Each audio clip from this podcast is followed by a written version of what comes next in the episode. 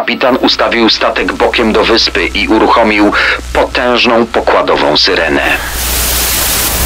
SOS MGY to nie my. Potrzebujemy natychmiastowej pomocy.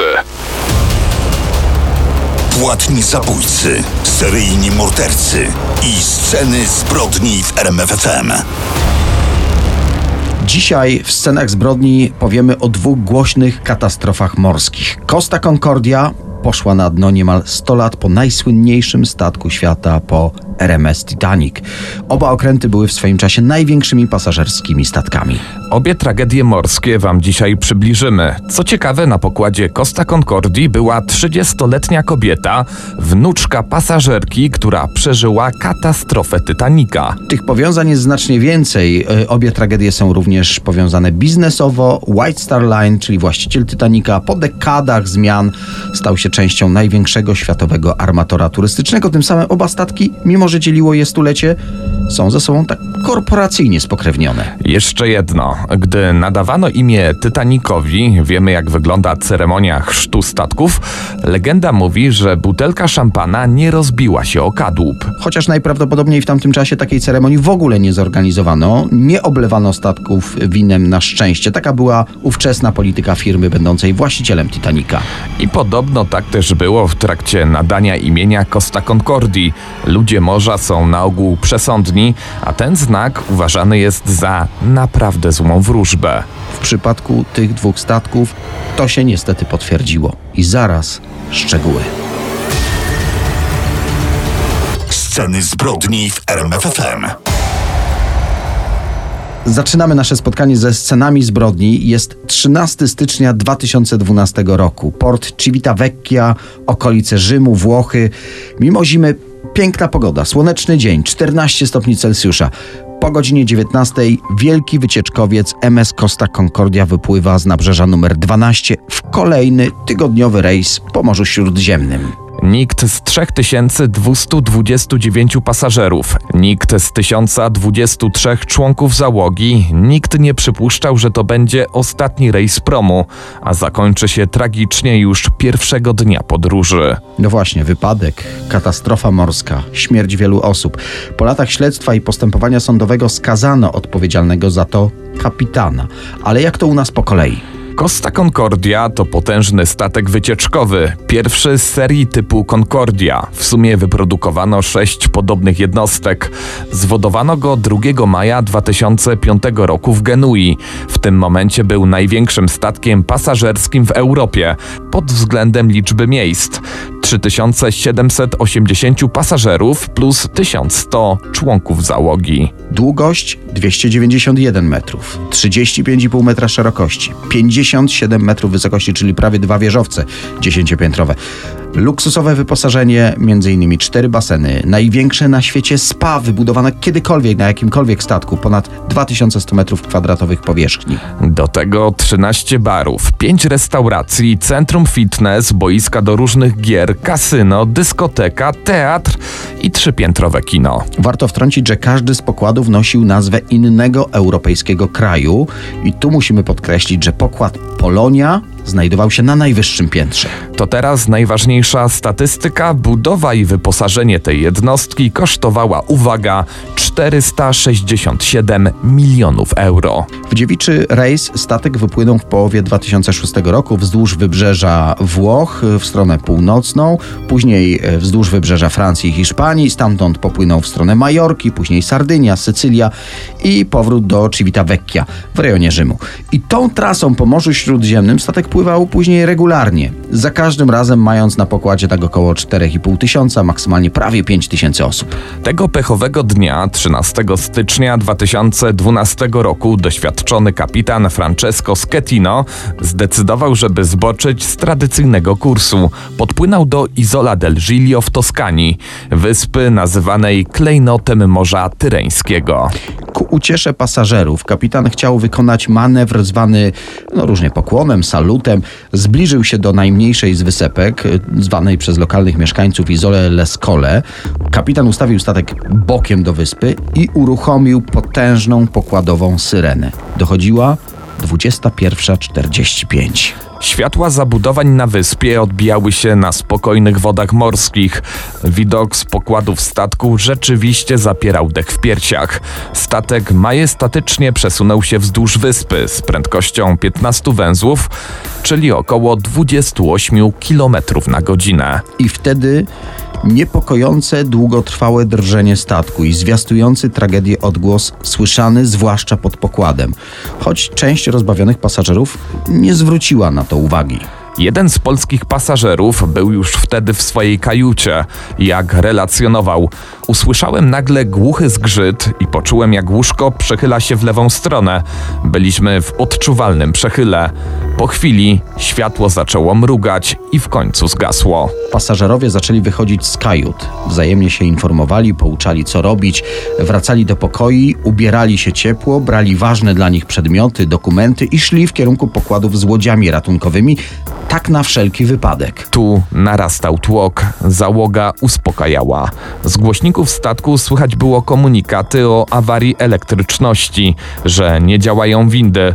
Przechył statku rósł, turyści zaczęli panikować. Kobiety i dzieci płakały, a załoga ustalała, co się dzieje. Statek zahaczył burtą o podwodną skałę. Znajdowała się około 95 metrów od brzegu wyspy, 8 metrów pod powierzchnią wody, ale zanurzenie Costa Concordia wynosiło no, ponad 8 metrów. Według pierwszych przekazanych przez kapitana Sketino informacji, statek uderzył o skałę, której nie było na mapach morskich, jakimi dysponował. Jednak późniejsze śledztwo wykaże, że tej nocy kapitan miał po prostu fantazję, by wpłynąć statkiem w wąski przesmyk między skałami. Odległość między nimi wynosiła 68 metrów. Przy szerokości statku ponad 35 metrów dawało to naprawdę niewielki margines błędu. Po tym zderzeniu statek zwolnił do 6 węzłów. Płynął z prędkością tak około 11 km na godzinę. Załoga szacowała szkody. W kadłubie powstała wyrwa długa na 50 metrów. Woda wlewała się gwałtownie do środka. Zalewała kolejne pomieszczenia techniczne. Zalała pięć przedziałów. Dostała się niestety także do siłowni, powodując awarię maszynowni. Statek utracił zdolność manewrowania. Dryfował bezładnie, nabierając wodę przez kolejny kilometr. I zaczął się niebezpiecznie przechylać na jedną burtę. Część pasażerów zaczęła wpadać w panikę, wielu jednak wciąż nie wierzyło, że może się coś wydarzyć. Byli tak blisko brzegu, widać było wyraźnie światła portu Giglio Porto, ale te zaczęły się oddalać. Statek dryfował bezwładnie na pełne morze z zablokowanym sterem. Około 21.10 jednostka zwolniła na tyle, że prawie się zatrzymała. Wiatr obrócił statkiem o ponad 180 stopni i zaczął go pchać z powrotem do wyspy Giglio. Część ekspertów twierdzi, że to szczęście w nieszczęściu, bo ułatwiło to akcję ratunkową. Ale wielu twierdzi, że to dopiero spowodowało prawdziwą tragedię. Drugi raz tego wieczoru Costa Concordia uderzyła o skały. Woda od pół godziny wpływała przez wyrwę w burcie, zmieniła środek ciężkości statku, zaczął się przechylać jeszcze mocniej. W pewnym momencie to nachylenie wynosiło aż 80 stopni. Dodajmy, że uderzył o brzeg, tym razem tą zdrową stroną, i na tę burtę zaczął się przechylać, w związku z czym ta uszkodzona burta zaczęła wystawać ponad wodę ukazując jak potworne było rozdarcie w stalowym poszyciu. Statek przechyla się, co uniemożliwia opuszczenie szalub ratunkowych na wodę. Pasażerowie są uwięzieni. Tak blisko brzegu, że statek górnymi pokładami niemal się na nim położył, a jednocześnie tak daleko od uratowania. Część z turystów rzuca się do wody i postanawia wpław dopłynąć do brzegu. Nie wszystkim się to jednak udało. Sześciu pasażerów zostało poważnie rannych. Fale uderzyły nimi o statek, o skały. Około stu pasażerów wyłowiła z wody straż pożarna. Prawdopodobnie trzem osobom to się nie udało. Utonęły zanim dotarły na ląd i zanim do nich dotarła pomoc. Pamiętajmy, jest późny, ciemny wieczór. W tym czasie pod wodą znalazła się połowa statku. Osiadł na mieliźnie, ale groziło mu to, że sunie się z tej przybrzeżnej płycizny dosłownie metry dzieliły Concordię od 50-metrowej głębi. Po dramatycznych 45 minutach w końcu zaczęto uwalniać szalupy. Pasażerowie docierali nimi do brzegu. Te zawracały po kolejnych. Pojawiło się też pięć śmigłowców ratunkowych Straży Przybrzeżnej i wojska. Akcja ratunkowa nabierała tempa. Na brzegu pojawili się mieszkańcy wyspy Giglio, przywozili ciepłe ubrania i koce. Ci, którzy dobrze pływali, wskakiwali do morza i holowali do brzegu tych, którzy gorzej radzili sobie z wodą. Rozbitków kierowano do najbliższego miasteczka. W tutejszym kościele utworzono punkt ewakuacyjny. Jak wspomina miejscowy ksiądz, pojawiali się głównie Włosi, ale także wielu cudzoziemców dosłownie z całego świata. Byli, e, cytuję, zziębnięci, przerażeni, zaniepokojeni o innych pasażerów, przemoczeni w tę zimną styczniową noc. Tu mieszkańcy wysepki dowozili ciepłe posiłki napoje. Dwa, trzy lata po katastrofie wielu z nich wróci do tego kościoła i odda pożyczone od mieszkańców ubrania i buty. Za herbatniki i gorącą kawę w tę pamiętną noc odwdzięczyli się przywożąc smakołyki ze swoich części świata. Ale wróćmy do wydarzeń tej feralnej nocy, bo do tej pory nie wspomnieliśmy o postawie kapitana. Francesco Schettino oczywiście zaalarmował służby, ale bagatelizował uszkodzenia. Wyczuwało się, jakby nie chciał robić zbytniego zamieszania. Może nawet chciał zatuszować swój błąd. Podawał służbom na lądzie błędne dane o liczbie pasażerów, o uszkodzeniach statku. Kłamał także na temat swojej lokalizacji. I tu musimy wyjaśnić. Media podając informacje o katastrofie zwracały uwagę, że upadł mit o kapitanie, który okręt opuszcza jako ostatni. Francesco Schettino uciekł z tonącego okrętu jako jeden z pierwszych, choć się do tego nie przyznawał. Dyżurny kapitanatu portu, gdy się o tym w końcu dowiedział, rozkazał kapitanowi wrócić na statek i kierować akcją ratunkową, sprawdzać ilość pasażerów. Schettino odmówił.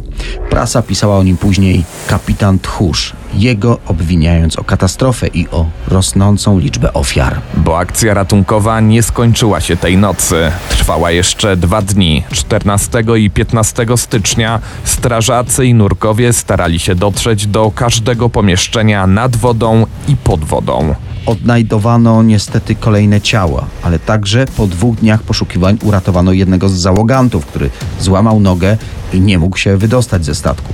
Po dwóch dniach uratowano m.in. także małżeństwo z Korei uwięzione pod pokładem.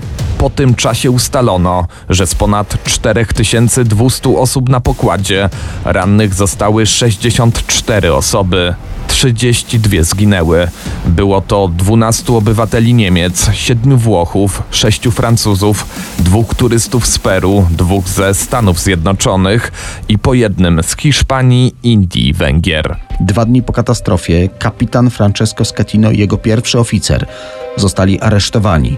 Postawiono im zarzuty nieumyślnego spowodowania śmierci, a także porzucenie statku przed ewakuacją wszystkich pasażerów. Ruszyło śledztwo. Odnaleziono tak zwane czarne skrzynki jednostki, które zapisują parametry rejsu, ale nie pomogły one w ustaleniu przyczyn i przebiegu katastrofy. Uległy zniszczeniu. Skupiono się więc na zeznaniach świadków i ocenie biegłych. Pierwszy oficer został szybko zwolniony z aresztu i nie postawiono mu żadnych zarzutów. Ustalono, że to nieplanowane zejście z kursu i zbliżenie się do wyspy Giglio wynikało z decyzji kapitana. Chciał pokazać wyspę z bliska pasażerom, w tym kilku swoim znajomym, a zwłaszcza chciał zaimponować swojej przyjaciółce. To dlatego zaryzykował wpłynięcie okrętu między wąski przesmyk wśród podwodnych skał zbyt blisko wyspy. Okolicznością dodatkową go obciążającą był fakt ucieczki ze statku i pozostawienia pasażerów na pastwę morza. Nie próbował nawet opanować tego chaosu. Nie chciał też kierować akcją ratunkową. Proces, a tak naprawdę 71 osobnych rozpraw, ze względu na ogromne zainteresowanie mediów z całego świata, odbywał się nie w sali sądowej, a w miejscowym teatrze w miejscowości Grossetto. W lutym 2015 roku zapadł wyrok w sądzie pierwszej instancji. Kapitan Francesco Schettino został skazany na 16 lat więzienia. A co z Costa Concordią? Wrak miesiącami spoczywał pochylony pod kątem 65 stopni u wybrzeży wyspy Giglio. Z jednej strony szpecąc ten klejnot Morza Tyrreńskiego, a z drugiej strony stając się nową atrakcją turystyczną. Równocześnie opracowano wyjątkową metodę postawienia statku do pionu.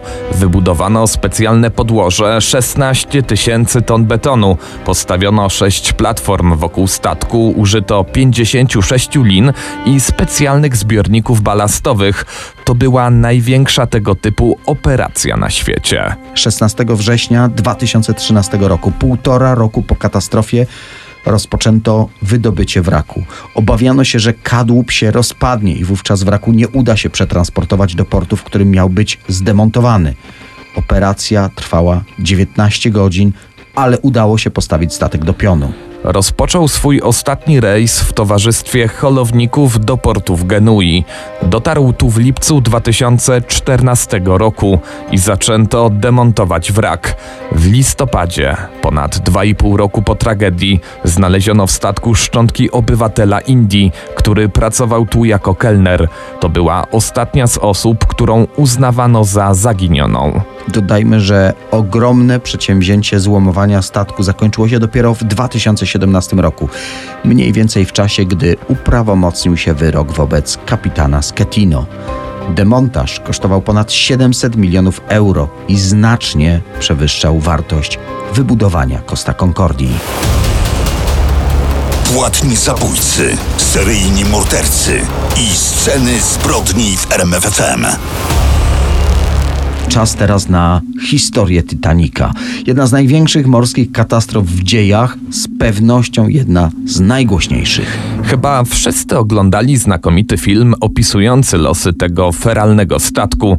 Produkcja z 97 roku nagrodzona 11 Oscarami. W rolach głównych Leonardo DiCaprio i Kate Winslet. Do dzisiaj się zastanawiam, dlaczego oboje nie zmieścili się na tych drzwiach i razem nie przetrwali tej katastrofy. Nie wątpię, że tym tematem zajmowało się wielu naszych słuchaczy. My skupmy się dzisiaj na faktach. Cała historia rozpoczyna się w roku 1907. Bruce Ismay, prezes brytyjskiej firmy żeglugowej White Star Line i William Peary, prezes stoczni w Belfaście, postanawiają zbudować trzy potężne okręty. Była to odpowiedź na sukcesy przedsiębiorstwa Cunard, które posiadało dwa najszybsze na świecie statki pasażerskie. To do nich należał rekord przepłynięcia z Europy do Nowego Jorku. Nowe statki White Star Line miały być nieznacznie wolniejsze od konkurencji, ale zdecydowanie wygrywać swoim rozmiarem, przepychem, no luksusem po prostu. Titanic był drugim zbudowanym kolosem z tej serii i został zwodowany w 1911 roku. Wbrew morskiemu zwyczajowi nie ochrzczono go przez rozbicie o pokład butelki szampana. Transatlantyk był nowatorski i rekordowy pod wieloma względami. Trochę liczb. Prawie 269 metrów długości, 53 wysokości. Silniki generowały 46 tysięcy koni mechanicznych. Maksymalna prędkość 23 węzły, czyli 43 km na godzinę. Koszt budowy parowca pochłonął równowartość dzisiejszych 150 milionów funtów. Razem z załogą na statku mogło się znajdować około 3,5 tysiąca osób. Do tego największy tonaż, największe tłokowe maszyny parowe, jakie kiedykolwiek zbudowano. Elektryczny system zamykania 16 grodzi wodoszczelnych. Gdyby doszło do uszkodzenia poszycia jednostki, statek mógłby bez żadnego problemu bezpiecznie kontynuować rejs. To wszystko sprawiało, że liniowiec uznawany był za niezatapialny. Powiedzieć, że to statek, to naprawdę lekkie niedoszacowanie. To prawdziwy pływający pałac. Zamontowano na nim cztery windy, basen, kort do skłosza, cały kompleks spa, wytworne restauracje, biblioteki, eleganckie meble. Parowiec miał nawet swoją drukarnię, która wydawała gazety dla pasażerów. Dzięki temu zamożni goście byli na bieżąco z informacjami ze świata. Dodajmy, że najdroższe bilety pierwszej klasy kosztowały przeliczając na dzisiejsze złotówki, uwaga, pół miliona. Jedyne, czego brakowało, to odpowiedniej liczby szalub ratowniczych, które według właścicieli statku burzyły jego nienaganny wizerunek, no i zabierały miejsce na tarasie spacerowym. Poza tym przecież Titanic był niezatapialny. Alexander Carlyle, późniejszy dyrektor stoczni Harland and Wolff, w której skonstruowano statek, powiedział takie słowa: Poświęciliśmy dwie godziny na dyskusję o dywanach w kabinach pierwszej klasy i zaledwie 15 minut na problem szalub ratunkowych. W południe 10 kwietnia 1912 roku luksusowy hotel wypłynął Southampton w dziewiczy rejs. Nie obyło się bez problemów. Mało brakło, aby już w porcie doszło do zderzenia kolosa z innym liniowcem. Skończyło się tylko na strachu i godzinie opóźnienia. Znalazłem informację, że kilku pasażerów uznało te wydarzenia za zły omen i wysiadło w najbliższym porcie. Za starami kolosa stanął Edward John Smith. Pierwszym przystankiem był port Cherbourg we Francji, następnie irlandzkie Queenstown. Jedni pasażerowie wysiadali, inni wsiadali. Na liniowiec ładowano kolejne cenne przedmioty, które miały dotrzeć do USA. W końcu 11 kwietnia o 13.30 Titanic wypłynął na bezkresne wody oceanu. Sześć dni później potężna jednostka z 2200 pasażerami na pokładzie miała dotrzeć do Nowego Jorku. Nic nie mogło zmącić wytwornej zabawy na statku. Życie napisało jednak zupełnie inny scenariusz. Pierwsze dni podróży upłynęły w miarę spokojnie. Statek poruszał się ze średnią prędkością 21 węzłów, czyli 39 km na godzinę. Pogoda była zmienna. Muzyka grana przez wyborną orkiestrę umilała podróż. Właściciele biletów pierwszej klasy korzystali z oferowanych atrakcji. Pasażerami tego dziewiczego rejsu Titanica była prawdziwa śmietanka towarzyska. Amerykański milioner John Jacob Astor IV wraz z żoną w ciąży, przemysłowiec i magnat Benjamin Guggenheim, malarz i rzeźbiarz Francis Davis Millet, właściciel luksusowych domów towarowych Isidor Strauss, no i wielu, wielu innych. 14 kwietnia, trzeciego dnia rejsu, załoga otrzymała wiele ostrzeżeń od innych statków o krach lodowych dryfujących w pobliżu Nowej Fundlandii. Kapitan Smith zignorował te komunikaty. Skierował parowiec bardziej na południe. Statek nie mógł pozwolić sobie na żadne opóźnienia. Tafla oceanu była bardzo spokojna, bez żadnych fal. Temperatura wody poniżej zera. Tak docieramy do godziny 23.40. Obserwator zauważył wtedy górę lodową. Statek był na kursie kolizyjnym. Pierwszy oficer William Murdoch zarządził komendę. Ostro na sterburtę, a maszynowni polecił wstrzymać pracę silników. Jednak było już za późno. Od momentu zauważenia lodowej przeszkody do zderzenia minęło zaledwie 37 sekund. Potężny Titanic uderzył bokiem o górę lodową w najgorszy możliwy sposób. W wyniku wypadku rozwarstwia się poszycie tego parowca. Między połączonymi blachami powstała szpara o naprawdę niewielkiej szerokości, za to o długości aż 90 metrów. W wyniku tego z każdą sekundą hektolitry wody wlewały się do sześciu przedziałów naraz. Grodzie wodoszczelne zdały się na nic. Pompy nie były w stanie poradzić sobie z taką objętością wody. Projektant Kolosa po oględzinach uszkodzeń wiedział, że Titanic pójdzie na dno. To tylko kwestia czasu. Zarządzono natychmiastową ewakuację. Radiotelegrafiści wysyłali taki komunikat SOS MGY Toniemy. Potrzebujemy natychmiastowej pomocy. Statki, które ruszyły na pomoc, były niestety zbyt daleko. Pasażerowie początkowo nie zdawali sobie sprawy z powagi całej sytuacji, ale z każdą upływającą minutą było coraz bliżej katastrofy. Jak już wspominaliśmy, na pokładzie było zbyt mało szalub ratowniczych. Jednak trzeba zaznaczyć, że było to zgodne z ówczesnymi przepisami. Liczbę szalub wyznaczał tonaż statku, a nie liczba pasażerów. Na 16 szalupach mogło się zmieścić maksymalnie 1170 osób. Miejsca brakowało więc dla około połowy pasażerów. Dodatkowo załoga nie była odpowiednio przeszkolona na taki wypadek. Dlatego wiele łodzi odpływało częściowo pustych. Pierwszeństwo przy zejściu z tonącego Titanika miały kobiety, dzieci i właściciele biletów pierwszej klasy. Ludzie oferowali cały majątek życia za miejsce na łodzi ratowniczej. Z Titanika wystrzelono białe flary. Przepływający w oddali statek Californian zinterpretował, że jest to oznaka dobrej zabawy na luksusowym statku. Dodajmy, że rakiety ostrzegawcze są czerwone. Gdyby nie ta pomyłka, można było ocalić znacznie więcej osób. 15 kwietnia 1912 roku około godziny 2.20 Duma White Star Line złamała się na dwie części. Niezatapialny olbrzym poszedł na dno Atlantyku.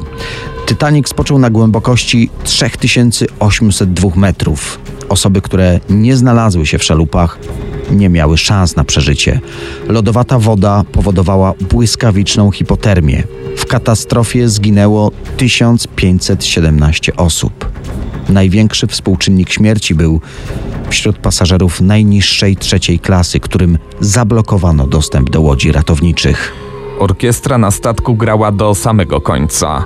Do dzisiaj trwają spekulacje, jaka melodia wybrzmiała jako ostatnia. Najprawdopodobniej była to chrześcijańska pieśń znana w Polsce jako Być bliżej Ciebie, Boże chcę. Powstały dwie komisje śledcze, brytyjska i amerykańska, badająca ten fatalny wypadek. Postanowienia końcowe obu z nich w różnym stopniu winę za tę tragedię zrzucały na przestarzałe przepisy, złe procedury bezpieczeństwa i postępowanie kapitana Edwarda Smitha. W wyniku tej katastrofy wprowadzono wiele nowych rozwiązań zwiększających bezpieczeństwo w żegludze morskiej, między innymi całodobowe dyżury przy radiu. Przez lata spekulowano, co doprowadziło do tragicznych w skutkach zdarzeń. Zwracano uwagę na dziwne zachowanie kapitana, powolną akcję ratowniczą, były też teorie spiskowe wskazujące na to, że Titanic zderzył się z łodzią podwodną. Inna hipoteza wskazywała na to, że na statku doszło do wybuchu bomby. Wypadek miał być też spiskiem konkurencyjnych armatorów. Pływający pałac mógł też zostać celowo zatopiony, była też taka teoria, ponieważ był bardzo wysoko ubezpieczony. Wrak Titanica zlokalizowano w 1985 roku, czyli ponad 73 lata po jego zatonięciu. Dzięki temu możliwe były wnikliwe badania statku i wykorzystanych materiałów, a co za tym idzie ustalenie dokładnej przyczyny tej katastrofy. Dzisiaj już wiemy, że doprowadziło do niej kilka splotów okoliczności. Po pierwsze, feralnego dnia pogoda była bezwietrzna. W związku z tym nie powstały spienione fale przyboju i lodową masę dostrzeżono naprawdę w ostatniej chwili. Poza tym na Titaniku było zbyt mało obserwatorów. Jednak przede wszystkim natrafiono na tak zwaną niebieską górę lodową, czyli masyw, który niedawno się przewrócił i był pokryty sporą warstwą soli, a ta mocno rozprasza światło. Ale kolos, jakim był Titanic, powinien spokojnie poradzić sobie z taką przeszkodą. No i tutaj pojawiły się błędy konstrukcyjne słynnego transatlantyka. Kadłub statku zbudowano z kawałków stali, które łączono nitami. Podczas budowy wykorzystano ponad 3 miliony sztuk. I to właśnie nity nie wytrzymały zderzenia z górą lodową. Przyczyna tej wady konstrukcyjnej jest bardzo ciekawa. Otóż stocznia Harland and Wolff w Belfaście, gdzie powstawał Titanic, płaciła swoim robotnikom na akord, czyli za wykonaną pracę. Czyli dosłownie od sztuki. Przy wbijaniu wspomnianych nitów pracowały czteroosobowe zespoły robotników. W tym samym momencie stocznia testowała nitownice hydrauliczne, które wykonywały tę ciężką pracę za człowieka. Dlatego pracownicy fizyczni spieszyli się, aby zarobić jak najwięcej przed wprowadzeniem tej maszyny. Aby ułatwić sobie pracę, używali bardziej miękkich nitów. Uzyskiwano to przez zwiększenie zawartości węgla w stali. Robotnicy nie mieli pojęcia, że taka stal staje się mniej wytrzymała przy niskich temperaturach. Przypomnijmy, że feralnego dnia temperatura wody wynosiła minus 2 stopnie. To właśnie przez dodanie większej zawartości węgla nity nie wytrzymały zderzenia. I tak powstała kilkudziesięciometrowa szpara w poszyciu statku. Najnowocześniejsze systemy nie miały szans poradzić sobie z takim uszkodzeniem. Podsumowując, Tytani, czyli pradawni bogowie z mitologii greckiej, od których nazwano ten luksusowy statek, zdecydowanie nie sprzyjali majestatycznej jednostce. Sceny zbrodni w RMFFM.